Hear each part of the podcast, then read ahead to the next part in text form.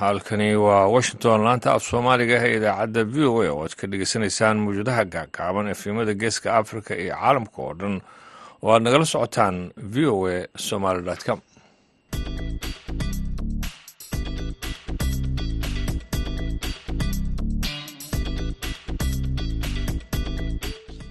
Duhur wanaagsan dhegeystayaal dhammaantiinba waa maalin jimcaha bisha februarina waa sagaal sanadka labada kun afar iyo labaatanka afrikada barina saacaddu haatan waxay tilmaamaysaa kuwdii iyo barkii duhurnimo. Waxaana idiin soo jeedinaya idaacadda anigu a ibraahim xasan garabey daanduray.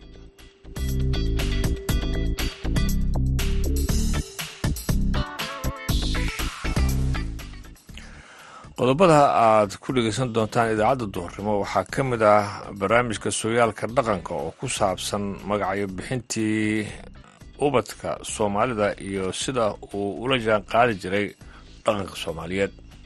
Dal kasta ama ummad kasta waxay leedahay magac dhaqameed ay gaar u leeyihiin. Marka waxay magacaasi uu tilmaamaa wakhtiga uu dhashay ilmuhu iyo xaaladda markaa lagu jiray. Marka waxa weeyaan haddaynu tusaale u soo qaadanno iminka haddii moogtay maalin uu dhasho dharaar baa loo bixin jiray hiraab heesihiina waad dhegeysan doontaan hase yeeshee waxaa ka soo horreyn doonaa warkii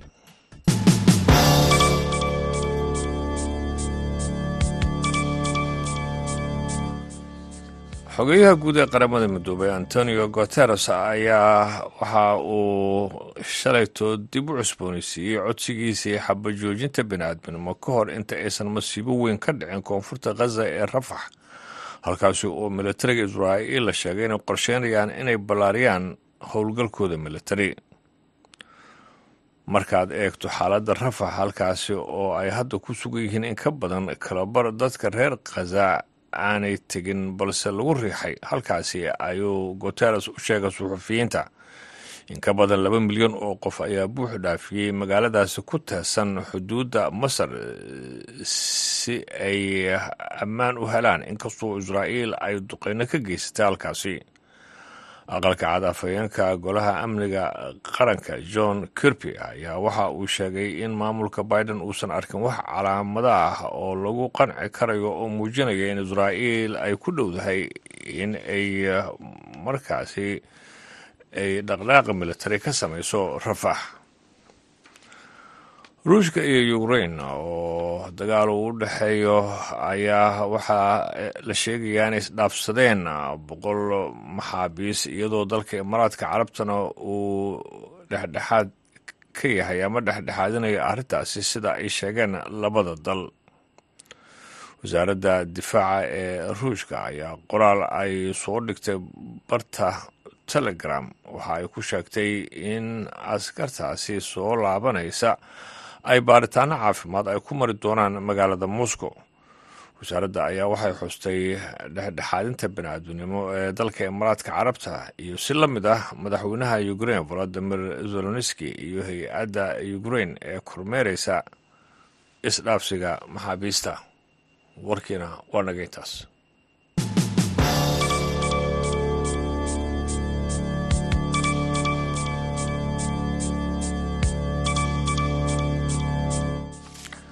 haatana dhegeystayaal waxa aad ku soo dhowaataan barnaamijka sooyaalka dhaqanka. Waxaana soo jeedinayaa xaashim sheekh cumar good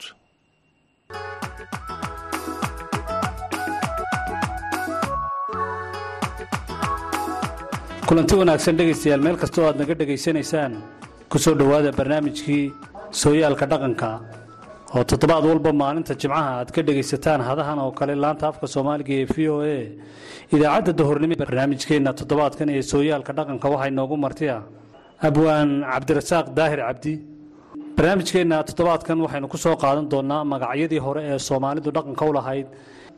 Cabdirasaaq barnaamijkeennan aad martida inoogu tahay ee sooyaalka dhaqanka ku soo dhow. Waan ku dhowahay haashim sheekh cumar good iyo bahda v o eda dhammaantiinba. Soomaalidu wakhtigii hore dhinaca magac bixinta waxay dhaqan u lahayd. Marka uu ilmuhu dhasho ay u bixiyaan magac. Magacaasoo ahaa magac soomaali. Maxaa magac soomaaliga marka ay u bixinayaan ubadkooga waalidku? Maxay ugu doori jireen? Waad mahadsan tahay marka hore waxa weeyaan waxa ay ugu doori jireen magac bixinta. Oo magac dhaqameed buu ahaa. Magac dhaqan kasta moogtay waddan kasta ama moogtay dal kasta ama ummad kasta waxay leedahay magac dhaqameed ay gaar u leeyihiin. Marka waxay magacaasi uu tilmaamaa wakhtiga uu dhashay ilmuhu iyo xaaladda markaa lagu jiray. Marka waxa weeyaan haddaynu tusaale u soo qaadanno iminka intaan waagu beryin haddii uu ilmuhu dhasho waxaa loo bixin jiray magac dhaqameedka soomaaliga ah waxaa loo bixin jiray waa dhowr waayo waagaa la dhowrayay wakhtigu uu dhashay. Haddii uu markuu waagu berye dhasho waa beri baa loo bixin jiray. Hadduu wakhtiga cadceeddu kulushahay dhasho duhur baa loo bixin jiray. Haddii moogtay maalin uu dhasho dharaar baa loo bixin jiray. Hiraab baa loo bixin jiray wakhtiga moogta la hiraabanayo ama cuntada la cunayo hadduu dhashay. Galab baa loo bixin jiray hadduu gelin dambe dhashay miraa loo bixin jiray hadduu saq dhexe dhashay kaliil baa loo bixin jiray haddii moogta wakhti kaliila uu dhashay wakhti dirira hadduu dhashay dirir baa loo bixin jiray wakhti roob jira hadduu dhashay oo roob da'ayo waxaa loo bixin jiray roob leh wakhti dhibaata dhacday oo laga allabariyey hadduu dhashana waxaa loo bixin jiray allabari haddii moogtay uu aada u xanuunsaday oo moogtay xanuunkiisa moogtay maaro loo waayey markaa ilaahayna lagu xidhay inuu kaco iyo inuu moogtay u dhinto waxa loo bixin jiray rabiile ama allaale. Marka waxa weeyaan ilaahay buu leeyahay oo moogtay ka samata bixin kara xanuunkaasi. Marka hadduu magacaa allaale ama moogtay loo bixiyey ama rabiile waa kii ilaahiisa ku xidhnaaye cidna waxba moogta uga tarayn. Markaa inuu kacaa laga yaabi jiray markaasoo ilmahaasi ugu roonaado. Ujeeddada inta badan ay waalidiinta soomaalida ay ka lahaayeen marka ilmuhu dhasho inay marxaladda la joogo ugu magacdaraan maxay ahayd? Waxa weeyaan tilmaamo eegada dadku moogta berigii hore ma lahayn wakhti ay qoran oo ay intay qoraan ay yidhaahaan wakhtigaasu qofku dhashay. Laakiin waxa weeyaan waxa loogu magacdari jiray wakhtiyo moogtay macluuma oo siyaabo moogtay beriskuradkiibuu dhashay abaalayskiibuu dhashay wakhtiyadaasi oo moogtay wakti ama wakti roobaad ahayd ama ahayd wakti moogtay ama ahayd wakti abaareed siyaabaha moogtay wakhtiyada moogtay qofku inuu wakhtigii guga dhashay iyo wakhtigii jiilaalka dhashay waayo ka jiilaalka dhashay jiilaal baa loo bixin jiray? Marka waxa weeye kuwan kale waa kan diriirada loo bixinayo diriir iyo moogtay magacyo kale. Magacyada kale jiray ma ka mid ahaayeen. Marka reerku geediga yahay ama uu guurayo hadday haweenaydii ilmihii dhasho marxaladda ay ku sugan yihiin ma loogu magacdari jiray. Haa geedi baa loo bixin jiray. Ilmuhu hadduu moogta wakhti geediyo reerku guuray uu dhasho geedi baa loo bixin jiray guuraa loo bixin jiray haddii moogta uu saq dhexe dhasho moogta wakhti dambe oo mirta habeennimo wixii ka dambeeya gelinka dambe habeenkii haddii uu dhasho guuraa loo bixin jiray oo wuu soo guureeyey baa la odhan jiray. Gurxan baa loo bixin jiray. Hadduu moogtay ilmuhu oohin badnaa uu aamusi waayey oo moogtay hooyada naaskeyga ku aamusi waayey waxa loo bixin jiray gurxan oo uu gurxamayaabaa la odhan jiray. Wardheeraa loo bixin jiray haddii war uga yimaado meel kale oo moogtay warkaasi wakhtigu uu yimi uu dhasho wardheeraa loo bixin jiray warlaawaa jiray hadduu waalidku ka dhinto amba aabbahu amba hooyadu dhimato. Markaa waxaa la jiray war mahayo waa warlaawe oo warunu hayn ma ogeyn markuu dhashay buu dhintay waalidkii. War mahayaa jiray isaguna oo la mida moogaa jiray. Intaa saddexdaasiba waxay ahaayeen marka moogta waalidku ka dhinto ilmaha. Moogaa jiray oo markaa ilmihii muu jiraa mise isagoo caloosha ku jiru waalidkii dhintay ilmaha lababa way jiraan. Inuu markuu dhasho u dhinto hooyaduba ka dhimato. Waxa weeyaan waxa loo bixinayaa warlaawe oo de ma oga. Ilmihii uu dhashay laakiin de hooyadii ma arago maogtay kuma garaadaysan. Ama waalidkiiba isagoo caloosha ku jira dhintay. Kowl oo muu arag isagana. Labada mid mid mid ka mida hadduu dhinto oo una arag waxa loo bixin jiray warlaawe warmahaye moogi. Waxaa jira gudcur oo midabada ahaa taa haddaan su'aal kaa weydiiyo soomaalidu midabka ilmaha ama midab ka mida midabada ay jecel yihiin ayay ubadkooga ugu magacdari jireen marka ay dhashaan. Maxaa ka mid ahaa midabada ay carruurta dhalata ay ugu magacdari jireen? Dhaqankaa hore sooyaalka soomaalida. Okay waxaa jiray gudcur in loo bixin jiray. Wuu madow yahay weeyaan. Waa calaamad haybe baa jiray. Waa madow. Cadaawe baa jiray. Waa nin cad oo moogtay ama ilmo cad moogtay waxaa jiray moogtay waxyaabo lagu tilmaami jiray iyadana moogtay dabeecadda moogtay qofka oo waxa weeye islaanta iyo odayga oo moogtay islaayey oo isku cadhoonaya ayuu dhashay. Ama moogtay gabadhu ay ka tegtay odayga oo meel kale ay tegtay reerkooga ay ku duday. Marka waxaa loo bixin jiray cadhayska dhintay.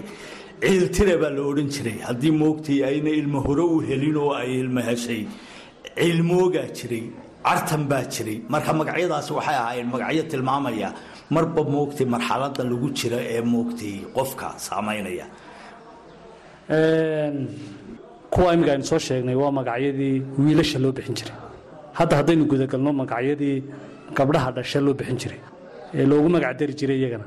Kuwee ka mid ahaa waxaa ka mid ahaa quman baa ka mid ahaa ceeblaa ka mid ahayd saluuglaa ka mid ahayd midhiflaa ka mid ahayd saxarlaa ka mid ahayd sareedaa ka mid ahayd mihiyaa ka mid ahayd cawralaa ka mid ahayd habsan baa ka mid ahayd xaadsan baa ka mid ahayd ducaa ka mid ahayd dalays baa ka mid ahayd degan baa ka mid ahayd xiis baa ka mid ahayd xareedaa ka mid ahayd xigsan baa ka mid ahayd xadiyaa ka mid ahayd milgaa ka mid ahayd meydal baa ka mid ahayd toolmood baa ka mid ahayd ama toolmoon tusan baa ka mid ahayd tiigaal baa ka mid ahayd magacyadaasi maxay ku salaysnaayeen? Ujeeddada laga lahaa ay ahayd maadaama dhaqanka hore ee soomaalida magacdan aad iminka tirisa ay ahaayeen magac soomaali. Waxa weeyaan gabadhaa lagu ammaanayey oo quman oo kale waxa weeyaan de way quman tahay way toosan tahay way hadaysan tahay oo hadaayad kale uma baahna ilaahay baa hadeeyey marka quman halka moogtay hadiye iyo looga bixiyo carabta ayay moogtay quman ahayd.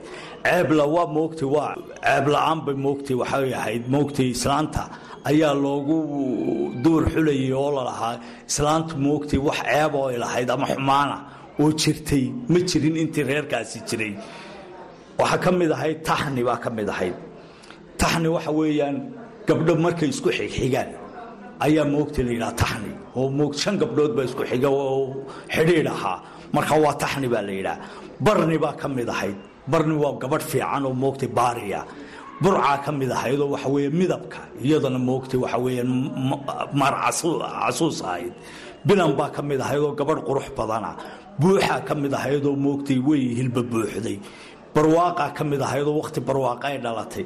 Cudbi baa ka mid ahaydoo waxa weeyaan way degan tahay. Cudbi marka la leeyahay ubax baa ka mid ahaydoo iyadna waa quruxday ka mid tahay ugbaad baa ka midoo waxa weeyaan udug moogtay waa qof moogtay lagu leeyahay way udgoon tahay. Markaa mayse odhan kartaa dhaqankaa hore ee soomaalidu? Marka ay gabdhaha u magac bixinayaan waxay ugu magacdari jireen dhinaca quruxda dhinaca dabeecadda dhinaca dhaqanka waxyaabo badan oo yacni ku saabsan dhalanka qofka inuu wanaagsanaado ayay ugu magacdari jireen. Mas leedahay taa? Haa waxa weeyaan ragga waa magac kasta waa loo bixiyaa dhurwaa baa loo bixiyaa ragga. Ma fahat waraabaa loo bixiyaa. Waxa weeye laakiin dee dumarka looma bixiyo. Dumarka inta badan quruxdooda iyo moogtay deganaantooda iyo moogtay wanaagooga ayaa had iyo jeer lagu tilmaamaa. Magacyada ay leeyihiin. Marka waxaa kaloo jiray in moogtay asli waa gabadh asliya oo moogtay reer fiican ka soo jeeda marka la leeyahay shacni baa jiray waa quruxdii shibban baa jiray deeqaa jiray dabci baa jiray dugsiyaa jiray baxsan baa jiray hufan baa jiray guddoon baa jiray tukaa jiray oo madoobayd xalan baa jiray wiilaa jirtay dhowrsan baa jirtay dhigaal baa jirtay heegaa jirtay malkaa jirtay hawlaa jirtay saxan baa jirtay hubaal baa jirtay hibaa jirtay joog baa jirtay haleelaa jirtay cawaa jirtay ayaan baa jiray dhudi baa jiray dhuux baa jirtay malaykaa jirtay miidaa jirtay malabaa jirtay cambaraa jirtay badheedhaa jirtay suuba baa jirtay qarni baa jirtay ladan baa jirtay weris baa jirtay taabaa jirtay magacyadaa hore ee dhaqankaa hore ee soomaalida lala bixi jiray. Hadda waxaad mooddaa in dib loogu bixinayo dhallaankan dambe ama qurbaha ku dhalanaya ama waddanka gudihiisa ku dhalanaya oo aad mooddo in tartan ku dhex jiro magacdii carbeed iyo magacdii hore ee dhaqanka soomaalida. Midkeed aad u qabtaa in la soo nooleeyo wallaahi waxa weeyaan af soomaaliga ayuu moogtay toosinayaa. Waxanigo waxa weeyaan af soomaali baa lagu garanayaa magacii. Qofkaasi moogtay wakhtiguu dhashay siyaabihiisa dabeecaddiisa markan gurxan lagu leeyahay inuu nin dabeecad adag yahay oo moogta waxa weeye hooyadiiba ka aamusi waayey markuu dhashay oo uu la soo dhashay dabeecad adayg ayay tilmaamaysaa. Marka waxa weeyaan waa sifaha qofka moogtay raaci kara ama xataa dawe ahaan haddii la yidhaha moogtay psychological marka la daweynayo magacyada dhakhaatiirtu way ka moogtay dheegan jirtay oo de qofka dabeecadiisa moogtay ka muuqanaysay. Marka waxa weeyaan magacyadii hore in la soo nooleeyaa way wanaagsantahay afka soomaaliga ayay moogtay wax badan u dhigaysaa oo dhigaal u noqonaysaa marka waxa weeyaan magacyo carbeed bayna soo galay magacyo talyaani bayna soo galay magacyo moogtay bortuqiis bayna soo galay magacyo kala duwan baa moogtay adduunka lala baxaya. Marka waxa weeyaan magacyadii asalkii in la soo nooleeyo oo loo bixiyo carruurta way fiican tahay. Iminka ragga oo kale marka moogtay laga saaro magacyada carbeed iyo moogtay ajaanibka ah. Iminka waxaa jira yey xandulle xariir qamaan dhakool bulxan fure samakaab dharaar orax samaale duhur mixille maygaag hiraab hanfi geedi gabal guuleed geelle gudaal gaade gurxan gadiid guhaad gurad gaboobe gacal rooble dirir colaad colhaye gurmad good hufan hufane rabiile allaale allabari ducaale duraan dubays dheeg migil miigane ceelaabe cadhays ciilmooge miyir wacays kaahin yaabe jeelle kadiye kaliil kulan kabaal kaariye kaahiye kulmiye kanadiid abtidoon bahdoon gabdoon abdoon hodoon waaberi waadhowr wardheere warsame weheliye xayd xaashi xirsi xoogdoon xagaa xaddi marka magacyo taxan weeyaan oo af soomaali khaas ah oona ku jirin moogtay luqadaha kale magacyadoodu. Sifaha ay lahayn muxuu ahaa markaas mid walba loogu tilmaamayay baad isleedahay ilmuhu marka uu dhasho nooca uu yahay baa lagu sifayn jiray baad isleedahay ama dabeecadiisaa lagu salayn jiray ama moogtay waxaa lagu salayn jiray moogtay hungurigiisa ama waxa lagu salayn jiray moogtay midabkiisa ama waxa lagu salayn jiray wakhtiga uu dhashay xaaladda lagu jiray hadday abaar ahayd hadday kaliil ahayd hadday gu ahayd hadday marba moogtay xaaladda lagu jiro. Hadday moogtay ahayd barwaaqo markaa moogtay xaaladaha lagu kala jiray ee moogtay dadku moogtay maadaama dad xoolo dhaqataa reer guuraaya la socda cimilada moogtay cimiladiibuu sheegayaa xaaladaha inta badan magacyadu ay tilmaamayaan ceelaabe waxa weeyaan wakti uu moogtay dhacay haraad ayaa moogtay lagu tilmaamaa. Marka moogtay ceellaabe waa ceel waa laba erey oo moogtay kowdhi. Nacmo ceellaabe ceel moogtay marka biyo ka dheeryahay meesha uu dhasho isagoo moogtay haraad jiro ayaa loo bixiyaa inta badan ceelaabe kaahin oo kale maxaa loo bixinayay? Marka kaahin la kaahin waa la sii kuhaamay oo waxa weeyaan isagoo uurka ku sii jira ayaa moogtay marmarka qaarkood la sii sheegaa inuu wiil dhalan doono. Oo moogtay waxa weeyaan dad xidigiska ama waxyaabaha faalka yaqaana ay sii sheegi jireen marka kaahin baa la odhan jiray. Bulxan marka la leeyahay. Bulxan muxuu ahaa? Bulxan magacaasoo kale. Maxaa soomaalidu ku sifayn jirtay? Bulxan waxa weeyaan waa dabeecadahay ka mid tahay. Kowdhi ama dabeecad baa moogtay lagu fasirayaa moogtay uu qofku leeyahay. Marka bulxan waa dabeecadiisa qofka wacays marka la leeyahay markaa isaga laftiisa lagu sifayn jiray. Wacays waxaa loo bixiyaa marka wiilal badan ay gabadhu dhasho. Ayaa moogtay isku daba xijsiiso ayaa moogtay loo bixiyaa wacays kuwa dambe ee moogtay ay ka horreeyeen wiilal. Sida taxni loogu bixiyo gabadhu hadday moogtay saantu ay soo taxday gabdho inta hore ay ahayd. Hadday isku jir yihiinoo moogtay lab iyo dhidig isku jiro marna wiil ay dhasho marna gabadh dhasho mar wiil dhasho mar gabadh dhasho waxaa odhan jiray sooran. Caruurtaasi waa sooran. Marka waxa weeye waa tilmaanta ay kala lahaayeen. Magacdaasee loo soo noolayn karaa dhaqankaa hore ee soomaalida ee ay dib ugu bixin karaan ubadkooga waalidiinta soomaalida. Wallaahi waxa weeyaan inta magacyo ajaaniba lala baxayo oo moogtay waxa weeyaan aan dhaqanna loo lahayn waxa weeyaan in kaaga aad soo noolaysid oo waxa weeyaan labada magac waxa fudud kan soomaaliga ah. Ka kale ajaanibkeed la baxaysa wuu ka adag yahay. Marka magacba magaca uu ka jilicsan yahay in loo bixiyo soomaaliga lagu soo noqdo waa mid moogta lama huraan ah oo moogta meesha ku jirta.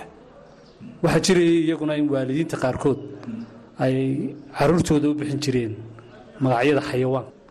Xayawaanka ay ugu jeclaayeen ay u bixin jireen kuwee ka mid a yey baa ka mid ahaa waayo waxa weeyaan yeygu dhaqan buu leeyahy dhaqankaasi waxa weeye wuu ka duwan yahay dhaqmada kale moogtay yeydu waxay isu raacdaa bahbah ama moogtay qayb qayb bay isku raacdaa kooxo.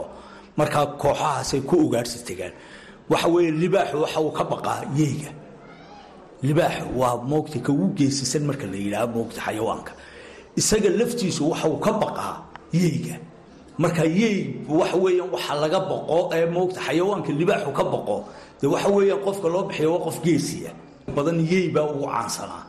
Iyo moogta dhurwaa haddii reerka weerar ku soo dhaco oo moogta xoolaha dhurwaa badan ka laayo wakhtiguu dhalanayay dhurwaa baa loo bixin jiray. Oo bahal baa la socdaa la odhan jiray wakhtiguu dhalanayay.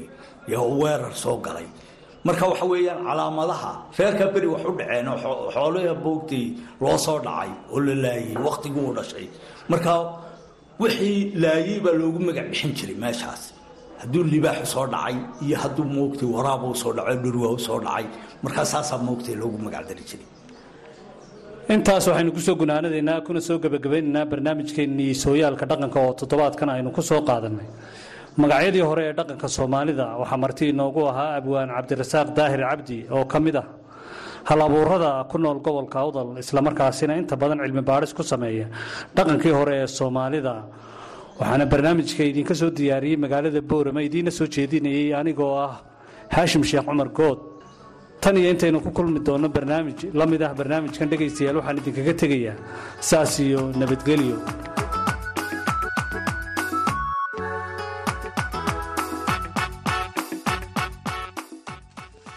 haashim cumar good ayaana soo jeedinayay barnaamijkaasi sooyaalka dhaqanka halkaad weli nagala socotaan waa washington idaacadda duhurnimo ee barnaamijka dhallinyarada maanta xogeyaha guud ee qaramada midoobey antonio guteres ayaa waxa uu shalayta dib u cusboonisiiyey codsigiisa xaba joojinta biniaadminimo ka hor inta aysan masiibo weyn ka dhicin koonfurta khaza ee rafax halkaas oo militariga israa'iil la sheegay in uu qorsheynayo inuu ballaariyo howlgalkiisa markaad eegto xaaladda rafax halkaasi ay hadda ku sugan yihiin in ka badan kalabar dadka reer khasa ayaana tegin balse lagu qasbay laguna riixay ayuu guteres u sheegay suxufiyiinta in ka badan laba milyan oo qof ayaa buuxu dhaafiyey magaalada ku teedsan xuduudda masar si ay ammaan u helaan inkastoo israa'iil ay duqeyno ka geysato halkaasi. Afhayeenka golaha amniga qaranka ee aqalka cad john kirby ayaa waxa uu sheegay in maamulka biden uusan arkin wax calaamado ah oo lagu qanci karayo oo muujinaya in israa'iil ay ku dhowdahay in ay markaasi dhaqdhaqaaqi military ay ka samayso rafax. Haatanna dhegeystayaal waxaad ku soo dhowaataan heestan uu qaado muuse ismaaciil qalinle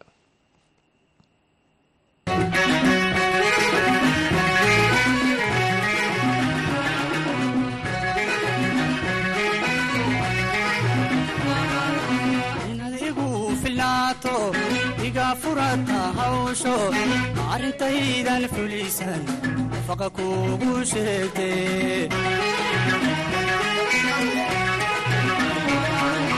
inaad igu filaato iga furata hawsho arrintaydan fulisan faqa kuugu sheegte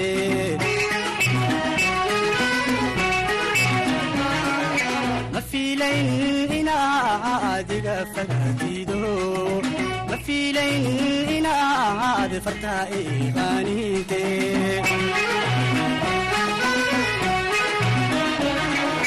mafiilayn inaad iga fagaatido mafiilayn inaad fartaa iqaaninte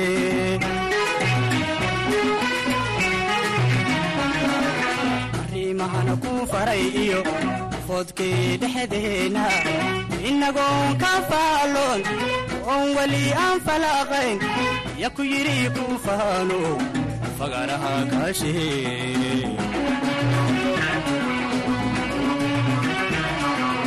arrimahan ku faray iyo foodkii dhexdeena.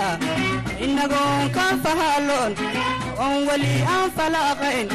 Ya ku yidhi ku faano magaraha kaashe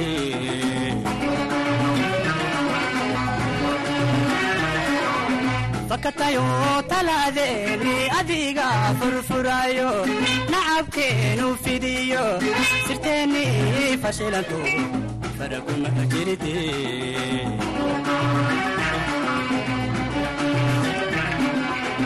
fakatayo talaadeeni adiga furfurayo nacabkeenu fidiyo sirteeni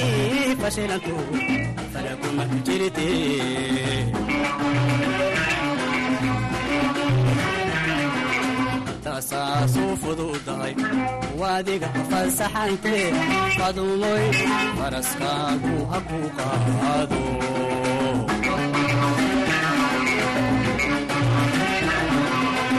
tasaasuu fududahay waadiga fasaxante fadumoy faraskaagu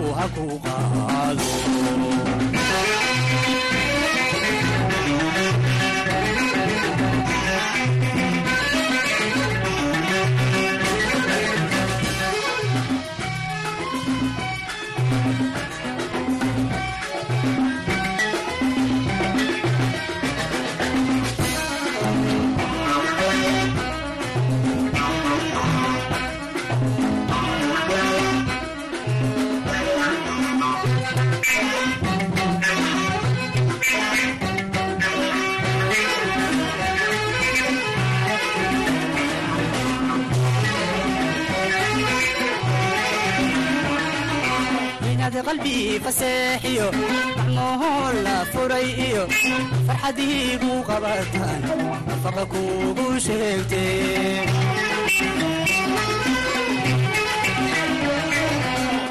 qalbii faseexiyo macmohoon la furay iyo farxadiigu qabataan nafaqa kuugu sheegtee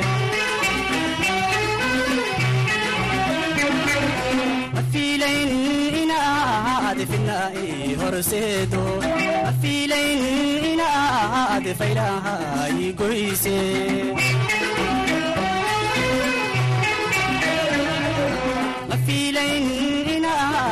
Fidnaa'i horseedo mafiilayn inaad faylahay goyse.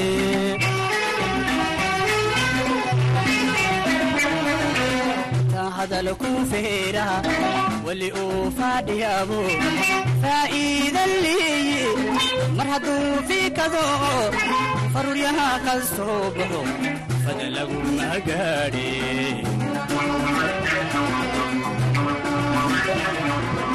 inta hadal ku feeraha weli uu faadhiyaabo faa'iidan leeye mar hadduu fiikado faruryaha ka soo baxo fada laguma gaadhe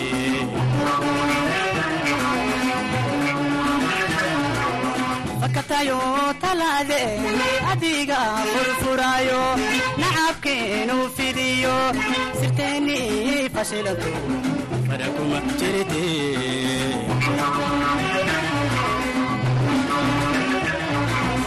fakatayo talaadeeni adiga furfurayo nacabkeenu fidiyo sirteeni fashilanto faraguma jirte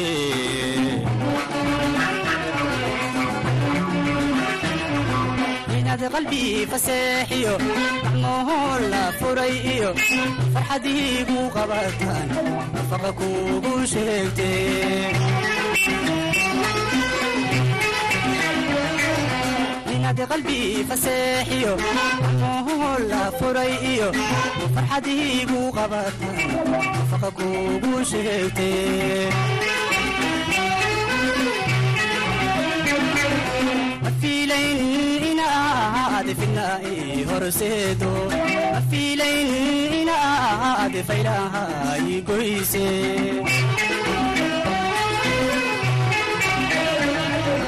mafiilayn